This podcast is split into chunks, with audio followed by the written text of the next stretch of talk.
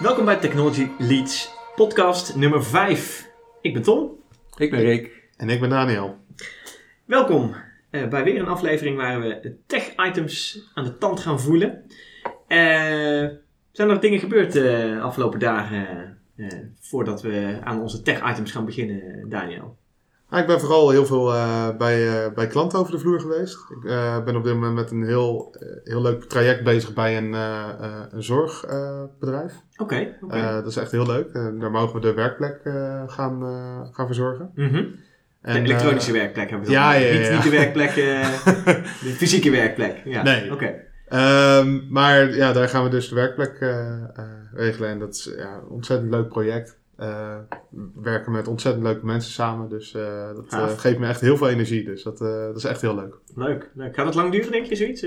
Wat, wat is typische doorlooptijd om dat te doen? Een paar maanden meestal. Oké. Dan, dan ben je er wel. Oké. En ja, het ligt er een beetje aan. meestal ga je toch een beetje iteratief aan de slag. Dus je begint met een eerste versie en dat ga je dan een beetje uitwerken. Oké, dus dan kan het ook wat langer duren. Dus eh, nice. Ja. zodoende. Rick, druk bezig met opdrachten, dingen dit moment. Ja, zeker. En eh, ik sta op de rand om eh, meer naar chatbot testen toe te gaan. Ah. Dus eh, ja, daar verheug ik me erg op. Ja, ja dat, is, dat is wel echt wel opkomend, hè, nu. De- Sowieso de implementaties van chatbots, Precies. maar dan... Het lijkt En dat vind ik dan wel interessant, want iedereen roept, we moeten een chatbot hebben. En overal worden er proefballonnetjes gebouwd en, en werkelijke bots gebouwd. Maar het testen daarvan, dat is dan nog wel een, eh, een beetje ondergeschoven kindje, Precies. eh, veel mensen eh, denken er niet over na en Mhm. komen daar tijdens het gebruik van de chatbot achter dat ze misschien toch iets meer aandacht aan de kwaliteit hadden moeten besteden. Ehm, daarnaast is altijd de discussie hoeveel kunstmatige intelligentie een chatbot nou is. Ja. En Ja. dan kom ik altijd maar met de simpele definitie dat kunstmatige intelligentie is als een machine gedrag vertoont dat wij intelligent vinden. Ja. En het doen van een conversatie is tamelijk intelligent Best. gedrag. Ja, ja. Dus een chatbot kwalificeert al vrij snel als eh, AI. Ja. Maar wanneer begint hij dan zelf te leren? Hè? Dan, eh, dan wordt het natuurlijk pas echt interessant. Ja, ja, dat is, Ehm, ja, dat is interessant inderdaad. Dus ja, dat is wat mij eh, wel bezighoudt. Ja, Het is wel weer een, eh, een volgende hype, hè, chatbots. En eh, nu hoor ik alweer eh, heel veel mensen die eerst riepen van... Oh, chatbots zijn geweldig. Die zitten nu allemaal... Ja, voice is het nieuwe ding. Ja, ik wou zeggen voice, hè? Het, Is het- ja. ja, het, het, Ja, dat is het gaat allemaal... maar het- maar ja. dan is even de vraag, wat is jouw definitie van een chatbot? Want Ja, een eh, voice chatbot zoals Siri, Alexa, Ja, is ook een Google chatbot. Home Ja. is ook een chatbot. Natuurlijk, ja. Voice En- is meer de interface, ja. Precies. Ja. Voice is de interface die natuurlijk wel op dit moment heel erg in opkomst is. Ja. Ja. Ehm, ja, maar ik denk Wat- ook echt wel dat hij heel veel potentie heeft. Ik denk dat oh ja, dat echt ja, wel de volgende zijn, stap is er zijn in heel interface. veel toepassingen waar dat nuttig is. Maar Ja. er zijn ook toepassingen waar ik het echt niet zie zitten. Nee, nee, natuurlijk. In een kantoortuin lijkt me het niet heel handig. Ja, Ja, precies. Ja, ja, ja. Het wordt interessant als je allemaal door elkaar gaat roepen om bepaalde Ja. dingen gedaan te hebben natuurlijk. Ja. Ja, oké. oké. True, true. Leuk. En Tom nog met wat leuke dingen bezig. Ehm, nou ja, de typische, wat ik merk is dat januari de maand van de kick-offs is. Mhm. Ja, Dus, dus aan de ene kant is dat leuk, omdat je dan eens even, even de tijd neemt in ieder geval om ook even naar voren te kijken de rest van het jaar. Wat komt er allemaal aan? Wat gaan we doen? Wat zijn onze plannen? Eh, dus, dus dat vind ik wel leuk. Aan de andere kant heb ik ook zoiets, ja, oké, op een gegeven moment ben ik wel klaar met de kick-offs. En, eh, dan willen we gewoon aan de slag. Dan wil ik gewoon wat leuke dingen gaan doen. Ja. Eh, en eigenlijk, ik ben stiekem, ben ik gewoon een beetje bezig. Ik bedoel, wij, eh, eh, Rick en ik hebben natuurlijk vorig jaar een, een boek gelanceerd. Ja. Ben ik stiekem aan het nadenken, wat, wat gaat ons volgende boek zijn? Dus, Mm. Oh ja, dus als je het hebt over vooruitkijken. Ik zal niet zeggen dat ik dit jaar weer een nieuw boek eh, ga schrijven en af ga maken. Nou, schrijven we dan misschien... misschien beginnen we met schrijven. En dan, ja. Ja, wie weet, wie weet. Dus dat, dat is wel iets wat me bezighoudt. En, en dan zijn al deze tech-items die wij in de Technology Lead podcast bespreken, visies die we langs laten komen, zijn wel heel erg inspirerend om eens ja, neer te zetten. Wat, wat moeten we dan? Wat gaan Ja. we schrijven? Gaat het überhaupt over testen? Eh, eh, gaat het over eh, een veel breder veld? Moeten we het veel meer over de technology hebben? Mhm. Ja, gaan we dan, maar ja, ga je dan niet ook een soort voorspeller worden over wat is de volgende technologie die eraan komt? Dat, dat, ja, dat, dat is al wel genoeg. Dus ik zou dan meer willen denken, oké, wat zijn de implementaties? Wat zijn, misschien Ja. moeten we het meer over de security afschooien, et cetera.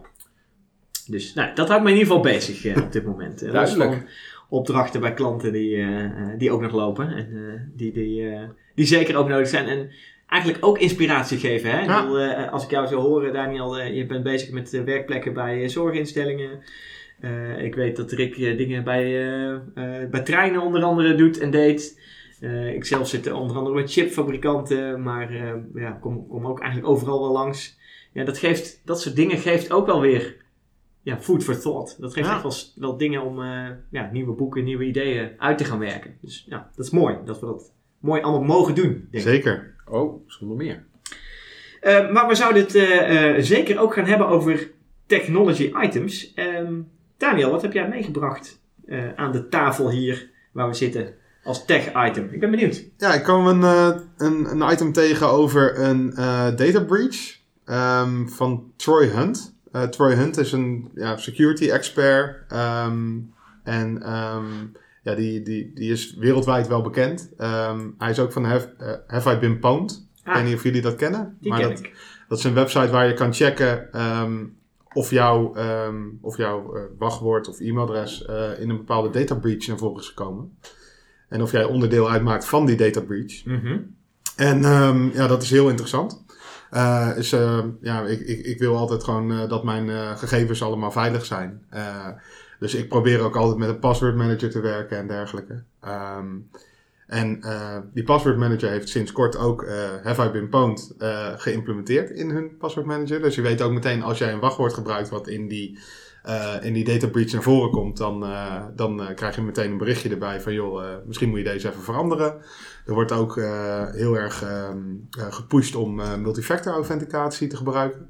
Dus als je op een eh, site een wachtwoord hebt, dan ja, moet je dus zorgen dat je, ehm, eh, ja, dat, je dat aanzet eigenlijk. Dat, Ja, dat, daar dat je heel een erg op. ja. sms'je krijgt of zo. Ja, of, Een, of een, met een appje een akkoord moet geven en eh, vervolgens nog even eh, je vingerafdruk of ja, Wat, mij dan toch interesseert, hè, want ik ben altijd wat argwanend als het om security gaat. Dus ik gebruik geen password manager, want ik denk dan direct hackt iemand mijn password manager. Ja, Hoe kijk je daar tegen? nou ja, ik, ik, vind, ehm, ik vind dat gevaar vind ik opwegen ten opzichte van eh, als ik overal hetzelfde wachtwoord bijvoorbeeld gebruik. Oh ja, maar dat eh, doe ik ook niet. Nee, ik nee, heb nee, maar- alleen geen elektronische password manager. Ik heb Ja. een, een papieren password manager Ja, waar ik- ik... zelf af en toe ook niet meer helemaal uitkom. Dat geeft Ja, ja, ja, ja, dat is het lastige. Als je dat weer niet doet, dat je dan op een gegeven moment niet meer weet. Nou, wat, wat je zo. merkt, en dat doen natuurlijk wel meer mensen, is dat je ook veel sites hebt waar je gewoon, die je eens in de drie jaar gebruikt. En dan zeg je gewoon lost your password en dan krijg je een nieuw password. Ja, ja Het- dat, het- het- gebruik je bijna meer om in te loggen op, Ja, op maar diensten waar je weinig gebruik van maakt. Precies, dus het gaat er dan vooral om dat je dus de toegang tot je eigen e-mailadres Ja. Goed moet beschermen. Mhm. Want als iemand anders in jouw e-mailadres Ja, of in jou- jouw eh, eh, eh, mailbox kan, ja, dan kan die ook ergens klikken lost password en dan krijg je jouw password. Ja, En, wel- en ik heb sinds die vorige breach, heb ik op alles waar financiële dingen achter hangen, eh, neem PayPal, daar heb ik wel two-factor authentication op Ja. gehangen. Dat ik inderdaad PayPal betalingen ga niet meer zonder sms. nee, nee, nee, nee.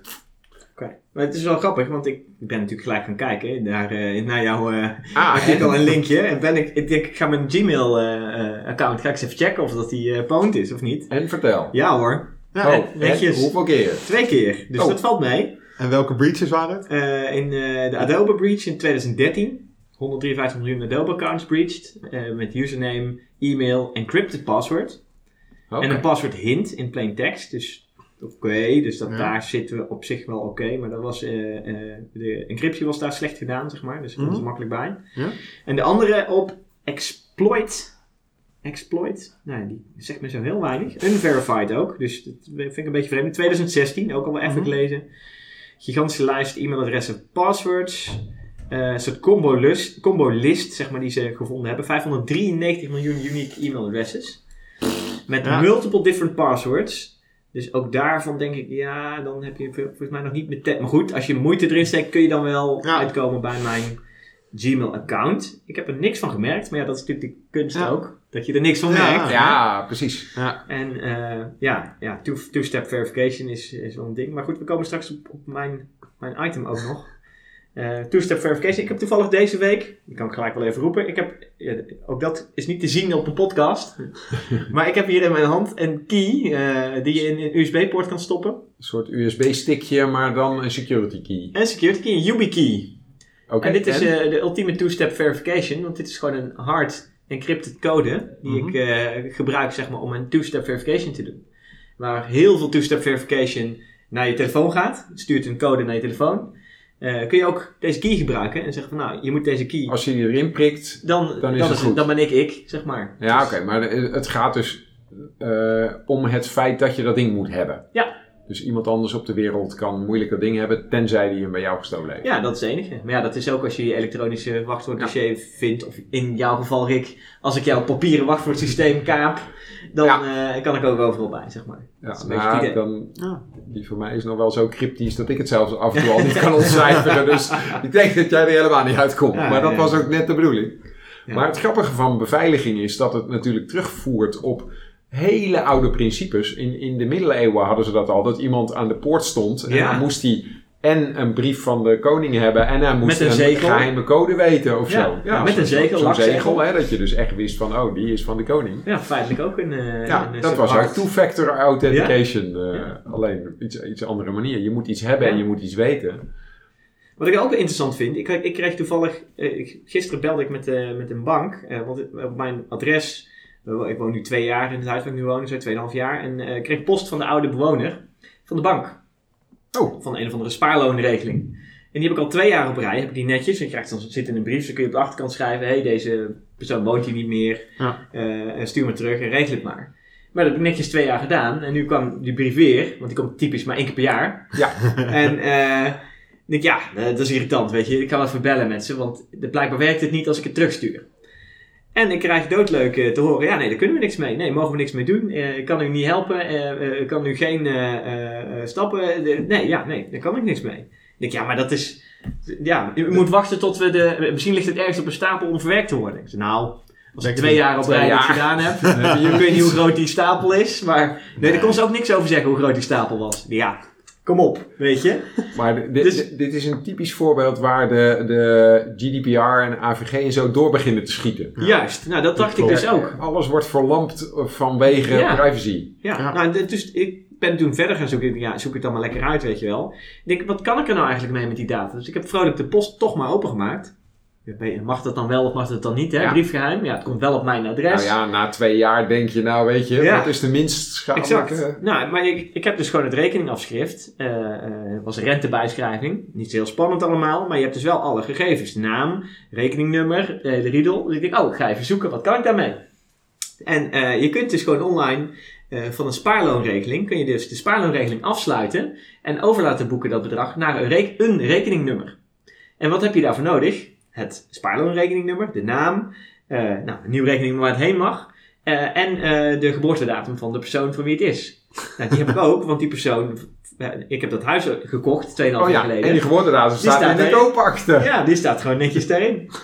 Eh, volgens mij het enige waar het, waar het niet legaal gaat worden, is dat je volgens mij een handtekening ergens onder moet gaan zetten. Nou, die zou ik natuurlijk kunnen kopiëren van die koopakte, maar dat is natuurlijk niet legaal. Nee, nee. Dus dat nee. mag Dus- niet. Dus, dus Maar in principe zou ik dus wel eh, voor- dat voor geld een- over kunnen schrijven. voor een, een beetje eh, Geen probleem. licht crimineel is Geen geen, probleem. geen enkel probleem. Ja, dus ik heb zoiets van, nou, jij, jij zegt de GDPR schiet door hier. Ja, dat denk ik dus ook. Ik zou zeggen, de, de, de zwaarwegende factor van de fraude die je kunt plegen, weegt op tegen de, de bescherming die ze bieden, of, of nou ja, die Nou ja, doorgeschoten is. Plus, het is ook raar dat die bank die mensen niet te pakken krijgt, zeg maar. Nou, zij zei dus, ja, nee, want wij mogen niet bij de gegevens. En eh, nee, het enige wat je kan doen is dus de, de post terugsturen. Terwijl ik denk, ja, maar wacht eens even. Of ik stuur die brief terug naar die mens, naar de, naar de bank. Ja. Eh, dan krijgt zij een brief terug, dan moet er iets getriggerd worden dat het adres niet klopt. Of ik bel naar diezelfde bank en ik zeg, het adres klopt niet. Ja. Wat is daar verschillend aan? Ja. De notificatie is toch hetzelfde, in mijn beleving. Nou, het enige kan zijn dat ik, omdat ik bel, eh, eh, kan het zijn dat ik iemand een beetje loop te narren Nou, dat zijn het adres kan- niet goed is. Precies, het kan zijn dat Ja. jij dus iets wil, juist hem kwaad wil doen. Ja, maar goed, dat zouden zij dan moeten gaan verifiëren, wat mij betreft. Lijkt me. Dus ja, weet je, ik, ik vond het eigenlijk is- tamelijk frustrerend, Ja. eerlijk gezegd. Ik vond het eh bizar. Maar ik, ik- Maar is dit nu nog steeds in lijn met het door Daniel ingebrachte item? Want volgens mij dwalen we een klein beetje af. Klein ja, beetje. Ja, ja, ja. ja, ja. Want jij had het over Troy Hunt. Is dat trouwens de naam van een man of zo? Oh, Ja, dat is al een, een, eh, bijzondere naam. De, security expert. Eh, ja, die heeft dus ehm, ja, eh, eigenlijk een, eh, een data breach heeft hij eh, benoemd en eh, ook gedocumenteerd en dergelijke. Hoe dat gekomen is en dergelijke. En het is een hele grote collectie met eh, e-mailadressen en wachtwoorden.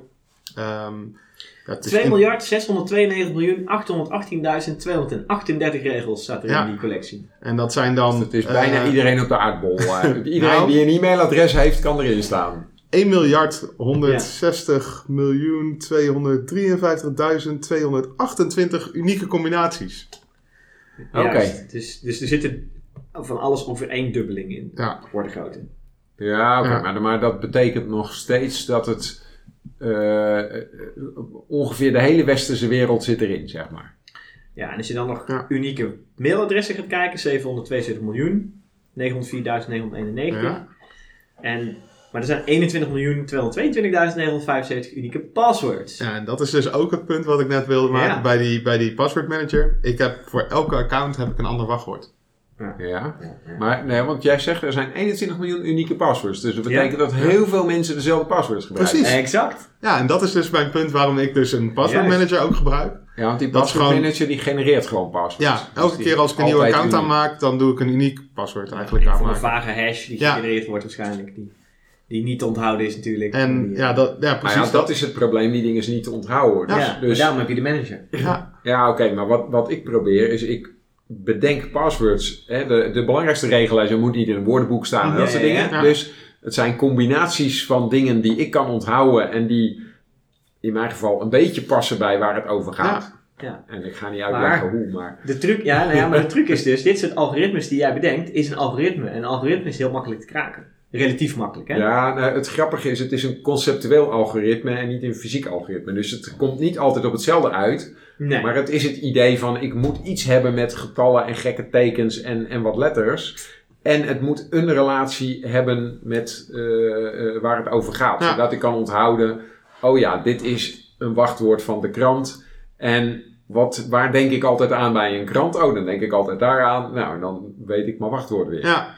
Nou, ik, ik vind het misschien wel interessant om eh, binnenkort een keer onze collega Anouk eh, te vragen of zij hier ook iets kan, eh, over kan, eh, Ja. kan vertellen. Aangezien zij een security expert Ja, is. Zeker, ja, ja. zeker. En, En, dit soort dingen even voorleggen. Ja. Ja, ja want ik, ik wil heel graag horen van de security expert. Wat, wat vinden jullie nou van zo'n cloud service Laten die daar de wa- wachtwoorden inhoudt? Ons plan was toch al dat bij Technology Leads podcast nummer 6 de volgende we een gast zouden uitnodigen. ja. Ja, Laten we eens kijken of we Anouk eh, Ja. aan tafel kunnen Lijkt krijgen. me echt heel leuk, want eh, ja, ik, ik, ik snap je punt ook heel erg. Van dat je alles in een password manager zet. Ja, als je dan, eh, als, als die password manager gehackt wordt. Ja, dat, Ja. je hebt natuurlijk altijd... is, ligt alles op straat. Je hebt verschillende varianten. Hè. Je kan natuurlijk ook een keypass gebruiken die niks met de cloud te maken heeft. Die gewoon Sure. eigenlijk, eh, dat is gewoon een programmaatje op je laptop.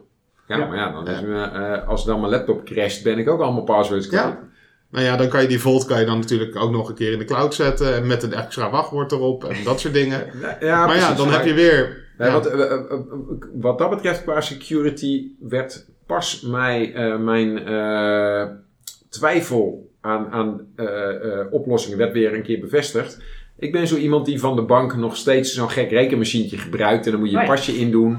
Ja. Maar je kunt tegenwoordig gewoon een standaard wachtwoord nemen en dan kan je daarmee alles autoriseren. Ja. Nou, er is nu een filmpje van de politie, notabene, hè, en ik volg politie op YouTube. Mhm. Dus die hebben gewoon een filmpje wat hackers tegenwoordig doen. Mhm. Die kopen iets bij jou op Marktplaats. En dan zeggen ze ja, om even te kijken of jouw eh, eh, bankrekeningnummer eh, echt klopt.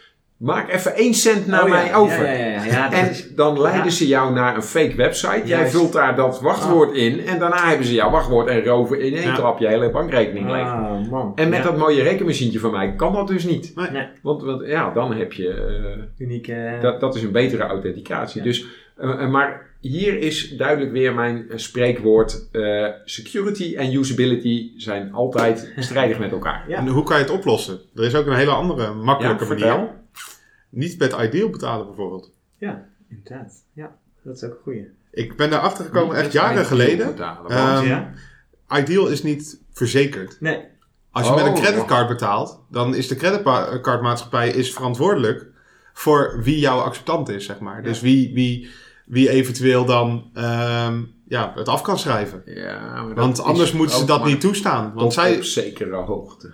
Ja, nee, oké. Je kan geen Maar een miljoenen ermee... creditcardmaatschappij, eh, een creditcardmaatschappij eh, is wel veel coulanter dan Ja. een, eh, Een standaard eh, bankrekening. Dat klopt. Nou, ik kwam daarachter omdat een, jaren geleden was er een of andere zwendel met studentenboxen, waar je dat? Dat zijn van die pakketten waar je Oh ja. allemaal leuke dingen krijgt, Ja, zeg ja, maar. ja, ja, goodies. Ja, en ja. dan kon je dus vij- eh, volgens mij 15 euro ervoor betalen en dan kreeg je, weet ik, voor 150 euro aan Spullen, aan ja. spullen. Nou, en dat hadden ze dus allemaal gedaan via die website. En eh, iedereen die betaalde met Ideal, maar er waren een aantal mensen die betaalden met creditcard. Ja, en toen stond er in het nieuwsbericht, echt ergens onderaan, een klein regeltje. Ja, ehm, de mensen die, eh, die met Ide- Ideal betaald hebben, die zijn niet verzekerd, dus die krijgen hun geld niet terug. Maar mocht je je geld terug willen en je hebt betaald met creditcard, dan kan dat bij je creditcardmaatschappij. Hmm. En toen begon er bij mij in één keer een belletje te rinkelen van ja, waarom is dat? Want Ideal, de- er zijn banken die, die geven mensen het recht om Ideal te kunnen gebruiken. Je, ik, ik heb dat ook wel eens een keer voor een bedrijf moeten doen. Dat je dus ehm, aan moet vragen van hey, mag ik Ideal gebruiken? Nou, en dan gaat er een heel goedkeuringsproces aan vast, of zit eraan vast. Maar ja, blijkbaar werkt dat goedkeuringsproces voor geen meter. Of is het gewoon een wassen neus? Ja. Eh, want, Ja. Iedereen kan een bedrijf Iedereen kan beginnen, een beginnen, Kamer ja, van. Koophandel Ja. inschrijving. Sure. En ja, eh, je komt er heus nog een keertje door. Ja, en als misbruik natuurlijk ook een hele makkelijke volgende stap. is. Mhm. Ja, ja, kan ik me voorstellen. Oké. dus ja, dat is wel interessant om, eh, om mee te nemen. Daar- daarom betaal ik eigenlijk alles met creditcard ook. Ja. Zoveel mogelijk in ieder geval. Ja, is wat voor te zeggen. Ja. Oké. Security. Troy Hunt dus Ja. eh, op te zoeken. Leuk, leuk, ik vond het leuke getallen ook in hier staan. Wel confronterend als je dat... eh, Ja, ja, zeker. inderdaad, eh, inderdaad. Ehm, Rick, jij, was, jij bent bezig met AI, robotics, et cetera. Ja. Wat is jouw tech-item voor vandaag? Ehm, eh, het testen van AI. En natuurlijk, zoals sommige luisteraars al weten, hebben Tom en ik daar vorig jaar een boek over gepubliceerd. En dat heeft ertoe geleid dat ik gevraagd ben of ik papers die worden ingezonden voor een conferentie wil reviewen. En het is niet zomaar een conferentie, het is een conferentie die georganiseerd wordt door de IEEE. Mhm. Dus dat is een wereldwijde organisatie. En die organiseren voor het eerst een conferentie over AI en testen. En hebben daar een stuk of 60 papers eh, op eh, binnengekregen. Het aantal viel mij eigenlijk nog een beetje tegen voor wereldwijd. Ja, zeker. Ehm, ja. Ik denk dat, dat lokale eh, conferenties meer papers krijgen op. Ja, Dit maar dit is, eh, eh, wat mij inmiddels wel is opgevallen, het is echt een academische conferentie. Ja, ja. Ik heb zelf ook een paper ingestuurd. Ik verwacht dat die tot de grond toe wordt afgebrand. Wegens het volkomen ontbreken van academisch gehalte. Want ik heb bijvoorbeeld maar twee bronnen. Namelijk een ISO-standaard en ons eigen boek. ja, ja. Aan de Nou, andere weet kant... word je daar juist wel... Ja, nou ja, want aan de ja. andere kant hebben wij wel een heel vernieuwend concept. En, en Ja. dat is... Ik, ik, mij zijn nu vijf papers toegewezen. Die papers zijn allemaal acht pagina's. Dus Ah. ik ben even bezig. Ik heb er nu drie gehad. Zo. Twee daarvan had ik zoiets van, ja, waar gaat dit over? En dan zie je dus dat academisch onderzoek is toch heel anders dan Ja, bedrijfsmatig onderzoek, wat Ja. wij doen. Hè? Want wij Ja, kijken ja. gewoon hoe kunnen we een klant helpen. ja, ja. En bij praktische academisch, ja, praktisch toepassen, ja. kun je er wat mee. Want, want een van de papers die ik heb gelezen, en ik kan er niet al te diep op ingaan, want ja. anders, hè, dit zijn natuurlijk Ja, nog ja, ja. vertrouwelijke papers. Ja. Maar eh, dat, die mensen die hadden een aanpak bedacht om eh, te kijken hoe zelflerende algoritmes omgaan met geanonimiseerde data. Ja, En het idee is best heel goed, want als je te veel geanonimiseerd hebt, dan is het resultaat van je machine learning dat hij allerlei dingen leert over data die niks meer betekent. Nee. Want het is zo geanonimiseerd dat niks uit te eh, halen. eh, normaal kun je bijvoorbeeld zeggen in dit postcodegebied geldt dat, Precies. maar als je al die postcodes veranderd hebt om te anonimiseren, dan klopt het Kun je niet dat er meer. niet meer... Ja, ja, ja. Dus eh, het achterliggende concept vond ik geweldig, want ik had er zelf nog niet zo bij stilgestaan. Maar, dus je moet bij het anonimiseren nadenken, hoe erg anonimiseer ik? Ja. Maak ik bijvoorbeeld de postcode anders, maar wel dat ik nog de gebieden kan herkennen? Mhm, mhm. Alleen wat zij gedaan hadden, was er een methode van gemaakt waarbij je dat met elk machine learning algoritme kon doen. En de, de, eh, het grote valkuil erin was, aan het eind moest je hem even testen met niet geanonimiseerde data. Ah, En dan denk ik, ja, maar ja, maar dat kan even. nou juist niet. Nee, ja, ja, daarom is het geanonimiseren. Ja, ja. want, Ja. want als jij namelijk een bank bent en je wil de machine learning laten leren over je eigen klanten, dan denk ik dat je binnen de regels van de AVG gewoon eh, Ja. de normale Ja, data mag gebruiken. Ja, want dat is gewoon je data. Dus, Ja. dus hoef je het niet te anonimiseren. Maar dat is ook Als het idee jij- van de AVG, zeg maar. Hè? Dat je, Precies. de- die wil alles veilig doen en overal over nadenken. Maar als jij voor het uitoefenen van je beroep of van je dienst data nodig hebt, dan mag je die data gebruiken. Dat, is- dat is het uitgangspunt, toch? Du- Ja. Dus is de vraag, wanneer moet je het anonimiseren? Nou, als je het aan een ander bedrijf geeft, wat bijvoorbeeld Juist. zegt, ik Ja. wil van alle banken iets Ja, ja, ja. weten, dan krijg je allemaal anonieme data. Juist. Maar ja, dan heb je dus de oorspronkelijke data niet meer. Dus, dus Nee. vandaar dat ik bij dat paper dacht, ja, leuk, theoretisch grappig bedacht, maar het gaat niet werken. Maar dat is het punt van de academische wereld natuurlijk. Dat zij altijd een, een idee, concept, een methode, wat ook zeg maar bedenken. En zij willen altijd bewijzen dat dat ook echt zo is. Ja, En dan krijg je dus soms wel eens hele kromme eh, eh, eh, ja, eindconclusies, zeg maar. In ieder geval als je dat weer op praktische toepassingen gaat, gaat leggen. Ja, die, en- eh, en dat is wereld sowieso ook het- lastig Het, het lastige Ja. van de academische wereld in deze tijd. Want ik heb eh, recent ook wat overleg gehad met mensen over een onderzoek, wat dan Europees eh, gesponsord wordt. Ja. En in, aan de ene kant is dat natuurlijk geweldig dat je via Europese kanalen dit soort fundamenteel onderzoek sponsort.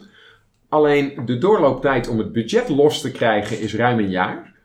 En daarna is de doorlooptijd van het project drie jaar. ja, ja, dat is zo lang. Vi- vier jaar geleden, Tom, Ja. hadden wij het nog helemaal niet over Nee. AI en zo. En ons boek is al een jaar, eh, of een half jaar Ja, uit. Ja, ja, ja. Du- dus ja. dit soort termijnen Waanzin. past niet meer bij de huidige Ja. techniek. Kijk, in de tijd dat wij stoommachines gingen optimaliseren, was drie Sure. jaar prima. ja. Maar, maar nu gaan de ontwikkelingen zo hard. Ja, dat, klopt. dus, dus ik had het er ook met, met eh, andere mensen over van, wat, wat moet je hier nou mee? En die zei, ja, nou, z- zo lang gaan wij niet op dat geld wachten dan. Als bedrijf Nee. investeren we dan wel zelf. Ja. En dan heb je alleen nog academische wereld. Die hebben nu eenmaal geen eigen geld. Nee. Dus ja, die gaan erop wachten. Maar ik verwacht dus dat de academische wereld steeds meer achteraan gaat hobbelen. Ja. Nou, Ja, ja, ja, je wordt er bijna buiten spel gezet. Ja, want het bedrijfsleven, want, want een ander paper kwam uit de auto-industrie.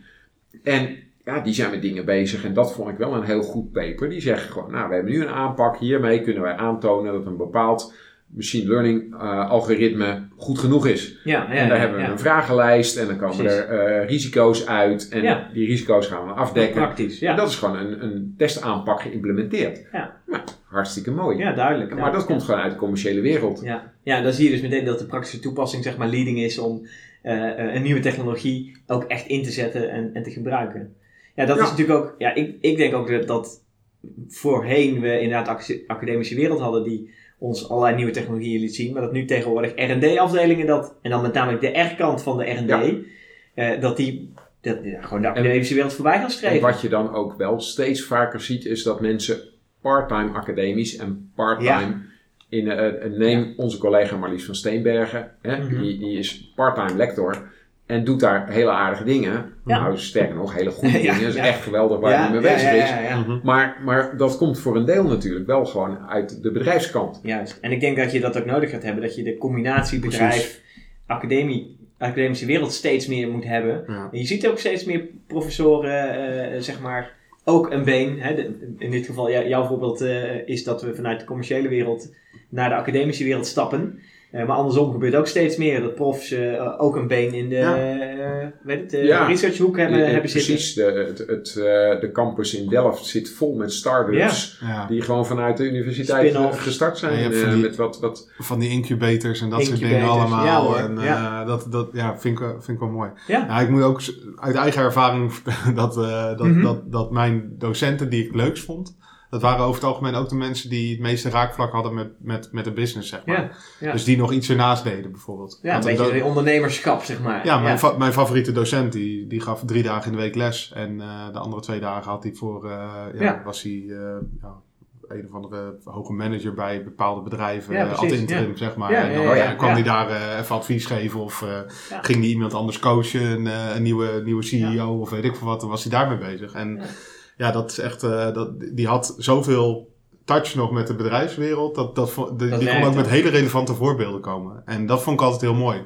Ja. Want ja, ik, ik, ik vond het altijd heel moeilijk om docenten die fulltime 20 jaar al les gaven, om daarvan te horen van ja, dit werkt straks zo en zo. Ja. Ehm, Terwijl ze het te 20 geloven, jaar ja. geleden nog, eh, ja, dat is niet helemaal waar, maar Ja, ja. dat ze 20 jaar geleden voor het laatst in de bedrijfswereld hebben gewerkt. Eh. Ze komen natuurlijk wel over de vloer bij die bedrijven. Hè? Dus het is niet zo dat ze geen contact hebben. Want eh, heel vaak hebben ze ook bijvoorbeeld stagiaires en dergelijke die de- waar ze dan langs moeten en dat soort dingen.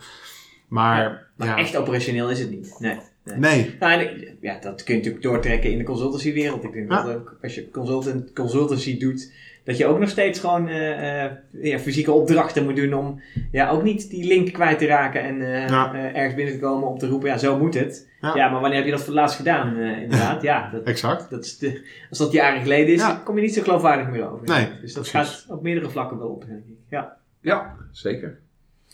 En Tom? Ehm, ja, eh, nou mijn, mijn item ehm, pakt deze twee nieuwsberichten eh, eigenlijk wel heel mooi samen. Samenvatting. Ja, het is een hele mooie samenvatting. Want we hadden het natuurlijk met Daniel over eh, data breaches en eh, eh, dat soort zaken. En, en jij had het over AI of testen van AI. Ik had een artikel waar cybercriminaliteit gecombineerd wordt met kunstmatige intelligentie. En eh er gaat eigenlijk twee kanten uit dit verhaal. Eh, aan de ene kant eh, gaan cyberbeveiligers kijken, steeds meer verder kijken om AI te gebruiken om aanvallers tegen te houden. Dat is op zich een interessante kant natuurlijk van het verhaal. Want je, ja, dat je allerlei kanten uitgaat, zeg maar, om ehm, ja, beveiliging van, software te maken. Dus een heel mooi voorbeeld is G-Data, die een zelflerend, wat is een zelflerend systeem gebruikt. Dat heet DeepRay, eh, om eh, automatisch kwaadaardige code injection eh, te detecteren. Dus, dus als er ja, code, onbekende code komt, zeg maar, dat, dat je de AI een paar patronen leert herkennen. Van hey, dit past niet bij wat we hebben of hadden. Dus dat zal dan wel, of markeert het dan als kwaadaardige code. En dan kun jij als persoon altijd nog checken van hey, is dat echt zo? Of hadden we dat bedoeld of niet? Et cetera. Dus dat is wel een hele interessante ja, eh, eh, stappen die daar genomen worden. Maar ik denk dan eigenlijk al snel weer aan. Hè, dus altijd in die wereld van de criminaliteit. Dat de criminelen over het algemeen eh, meer geld en moeite investeren in eh, nieuwe technologie om hun criminele activiteiten te, ontplooien, dan dat de beveiligers erin stoppen om het tegen te gaan. Sterker nog, als je als beveiliger zegt, hey, we hebben een heel geweldig systeem dat in dit geval code injection, kwaadaardige code injectie detecteert, ja, dan zal de criminele wereld al zo interessante AI ontwikkeld hebben eh, dat ze code kunnen genereren die heel erg lijkt op bestaande code, Ja. waardoor, je dat niet meer detecteert. Nou ja, Snap je? het voorbeeld wat jij geeft doet mij denken aan eh, eh, spam-e-mails. Ja, Want de laatste tijd krijg ik weer vrij veel spam-e-mailen, omdat ze die spam zo goed weten te laten lijken op normale Ja. e-mail, dat de spamfilters het niet meer eruit kunnen filteren. ja, ja. En omgekeerd dat echte mailtjes wel eens in de spam terechtkomen, omdat mensen gewoon eh, verkeerde begrippen Verkeerde gebruiken. en ja, dan ja, hop, ja. word je als spam eh, gekwalificeerd. Ja, dus eigenlijk is dan de, het algoritme daar, wat waarschijnlijk geen AI-algoritme is, is, is eigenlijk gewoon niet goed meer. Nee, precies. Niet goed genoeg meer Ja, eigenlijk. maar ja. je moet, moet je een beetje meebewegen met de nieuwe ontwikkelingen. Het Ja. wordt echt, het is soms echt heel moeilijk om het dan wel te herkennen. Nou, dus, ja, ja, maar goed, ja. daar willen we dus Ja. echt goede AI voor hebben. Ja. Want wat staat er nog meer in? Nou ja, de andere kant is dus, en dat, daar geloof ik dan eigenlijk ook meer in, ik denk dat de AI veel, veel meer al ingezet wordt om, aan de hackerskant. Eh, om, eh, omdat hacken gaat vooral over heel veel data, hè, over het Mhm. algemeen. Ja. En eh, eh, grote hoeveelheden data. We hadden het net over eh, dat hele mooie, die miljoenen, miljarden Ja, regels in het bestand van username, passwords of e-mailadres, password combinaties. Mhm. Ja, daar wil je doorheen, daar wil je doorheen om patronen te herkennen, om ergens binnen te komen, uiteindelijk. Ja, als, je, als, je, als er een 53 miljoen regels tellend eh, username, password bestand ge- gejat is ergens, Mhm. ja, dan nog kost het je heel veel moeite om de juiste username, password combo in te vullen in een site. Daar eh, iets mee te doen, eh, geld eh, ergens over te maken, et cetera. Voordat jij als persoon, hè, voordat ik bij Rick eh, zijn, zijn eh, ideal eh, gehackt heb. Wat misschien wel zou kunnen. Uh, of als ik Daniel zijn uh, creditcardaccount daarmee hack. En hopelijk gaat dan zijn creditcardbedrijf uh, Verzekerd. ervoor zorgen dat dat, uh, ja, precies, dat hij zijn geld terugkrijgt. Uh, maar ik zie wel mogelijkheden, of ik zie mogelijkheden. Ik denk dat het al gebruikt wordt, of veel gebruikt wordt, om uh, AI in te zetten. Om die grote hoeveelheid data door te akkeren. En ja. daar patronen te herkennen, zodat je nou ja, uh, overal in kunt. En volgens mij, uh, Black Hat, uh, die hackersconferentie in Amerika, zijn dit soort systemen komen daar juist langs, zeg maar. Mhm. Ja, je kunt het bijna, ja, bijna blind toepassen, zo'n beetje, om, om die structuren te, eruit te trekken en dan aan de gang te gaan en eh, eh, accounts te hacken. Want ja, volgens mij is het dan helemaal niet meer zo moeilijk. Hè? En AI is geduldig, je zet hem aan. En eh, één persoon kan zo gigantisch hoeveelheden data doorakkeren in een paar dagen. Waar je voorheen eh, moest je dat gewoon met de hand doen. Of moest je zelf algoritmes gaan Ja. schrijven, zelf eh, eh, ja, combinaties Ja, gaan schrijven. In, zeg in maar. dat kader vraag ik me ook af. Je ziet nog wel eens sites die dan beveiligd worden tegen wat dan heet robots. Hè? Maar, Mhm. En dan laat hij een paar plaatjes zien. En dan moet je elk plaatje waar een verkeerslicht op staat aanklikken. Ja, of zo. ja, ja, en dan denk ik, hoe moeilijk kan het wezen om hier een beeldherkenningsstukje Ja, software op los te laten? Nou ja. Dat, want, want die kan dat makkelijker dan ik. Want ik zit soms nog te kijken, is dit nou een stoplicht of niet? Nou, ik zie wel steeds meer dat, dat ze dat ook een beetje aan het aanpassen zijn. Want Oh ja? je- in het verleden had je natuurlijk altijd, nog steeds heb je dat heel veel, dat het gewoon echte foto's zijn. Ja. En ehm, de laatste tijd zie ik op steeds meer sites voorbij komen dat die foto's dan ook een soort van geblurred worden. Zodat Ja, het niet meer ja. heel makkelijk is Ja, voor een. AI om dat... eh, ja daar, daar gebruiken ze misschien het fenomeen wat wij in het boek ook beschrijven. Mhm. Dat je, eh, hoe heette dat ook? Iets van Nema nooit of zo. Ja, Nou ja, je, ja, je ja. gooit iets over die foto Ja, heen, wat voor mensen ja. niet verstorend is, maar een AI gaat Wel. die foto niet meer Ja. herkennen. Ja, Of hij herkent hem als iets anders. Ja, die denkt dat het wat anders is. Dat ja, is een Ik leuke. zag dat laatst in één keer. Dus, ja, dat is eh, een beetje hetzelfde wat je vroeger had met officiële documenten. Als je die op de Mhm. kopieermachine legde, dan blurde dat wat, waardoor er het woord kopie ontstond. Ja. Ja, En dan, ja. Inderdaad, inderdaad. Ja. Nou, het leuke is, eh, je richt je altijd net inderdaad over de e-mails en phishing e-mails en zo, die steeds beter worden. Het grappige is dat eh, in het artikel komt ook weer langs dat mailprogramma's, Gmail, eh, allerlei andere mailprogramma's, maakt, maakt even niet uit. Die hebben natuurlijk wel allemaal eh, anti-phishing mail, et cetera, et cetera. Maar dat zijn over het algemeen statische regels. Eh, Ik weet niet of dat helemaal waar is, hè? een beetje gechargeerd. Maar het leuke is dat eh, AI wordt juist aan de andere kant ingezet om continu die regels te omzeilen. Kijk, je kan wel elke keer een nieuwe regel maken, maar AI is veel sneller in het bedenken van nieuwe patronen die daar doorheen komen. Want het leuke is, hij kan zichzelf checken. Hè? Mhm. Je maakt gewoon zelf al die eh, eh, accounts, mailaccounts aan. Je stuurt mails naar jezelf om te zien of die erdoor komt. Ja, en dan ja. weet je of jouw AI, of die het goed doet. Dus je kan jezelf gewoon heel makkelijk trainen hiertegen. Ja, Dat is ook nog eens zo. Dus, dus de AI-kant ja, ja, heeft, eigenlijk wel, heeft het eigenlijk heel makkelijk hier. En eh, ik geloof zelfs dat IBM is, eh, eh, heeft dan weer, dat vind ik dan wel slim, een soort AI-aanval ontworpen om aan te tonen of dat jouw beveiliging goed genoeg is. Dus dan ga je zelf checken of dat je Ja, beveiliging een oké is, soort, soort white hacker. ja, ja, ja, ja, precies, precies, inderdaad. Maar ook, ze hebben, zijn ook een beetje bezig van wat staat je dan te wachten. En eh, eh, ze zijn bezig iets met, met, volgens mij een webcam die eh, jou filmt, zeg maar, als je ergens rondloopt. En dan gaat kijken of je met je LinkedIn eh, profiel gematcht wordt. Eh, en dat dan eh, de beveiliging van allerlei sites uit via LinkedIn, et cetera, et cetera, zeg maar, Ja, boven water gaat halen. Want er is ook weer heel veel informatie Ja. in LinkedIn profielen. zeker. Want wij denken, ja, het is mooi, zakelijk Ja. profiel, et cetera. Maar ja, dat is ook wel een heel zwakke plek, zeg maar, om binnen, bij bedrijven binnen te komen. Ja.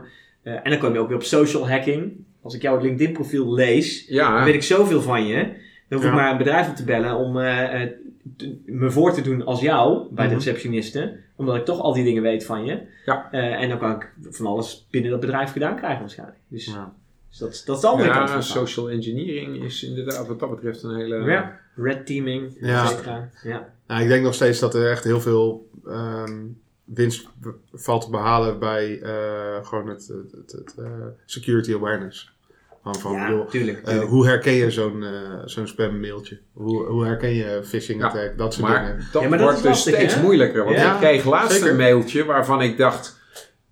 Ik denk dat dit een legitiem mailtje is, maar ik vind het zo onhandig dat ik er expres niet op ga reageren. Ja, want een ja, bedrijf zou Ah. zo'n mailtje niet moeten sturen. Nee. Ja, ja, ja, ja, En wat je ja. heel vaak ziet is linkjes bijvoorbeeld. En, eh, als je bijvoorbeeld zo'n Ja. ING-mailtje hebt. Als je op het linkje gaat staan, dan is het zo'n short link of is Ja, het een of andere bizarre site.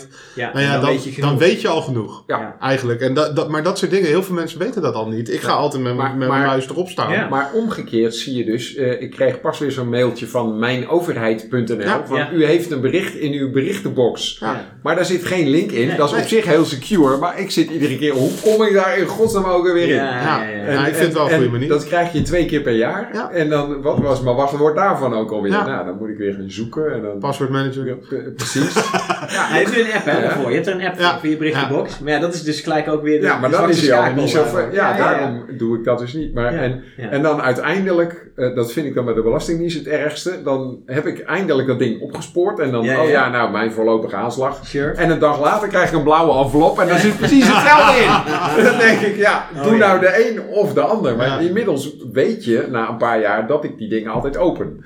Met enige moeite. We sturen hem dan niet meer op papier. Want, Papier want dan, eh, nu denk ik, ja weet je, ik eh, hoef niet te kijken. maar goed, maar de overheid doet het dus wel heel secure, maar weer niet usable. Nou, en daar heb je wederom inderdaad Ja. usability versus security. Ja, Ja, altijd lastig. altijd lastig inderdaad. Ja.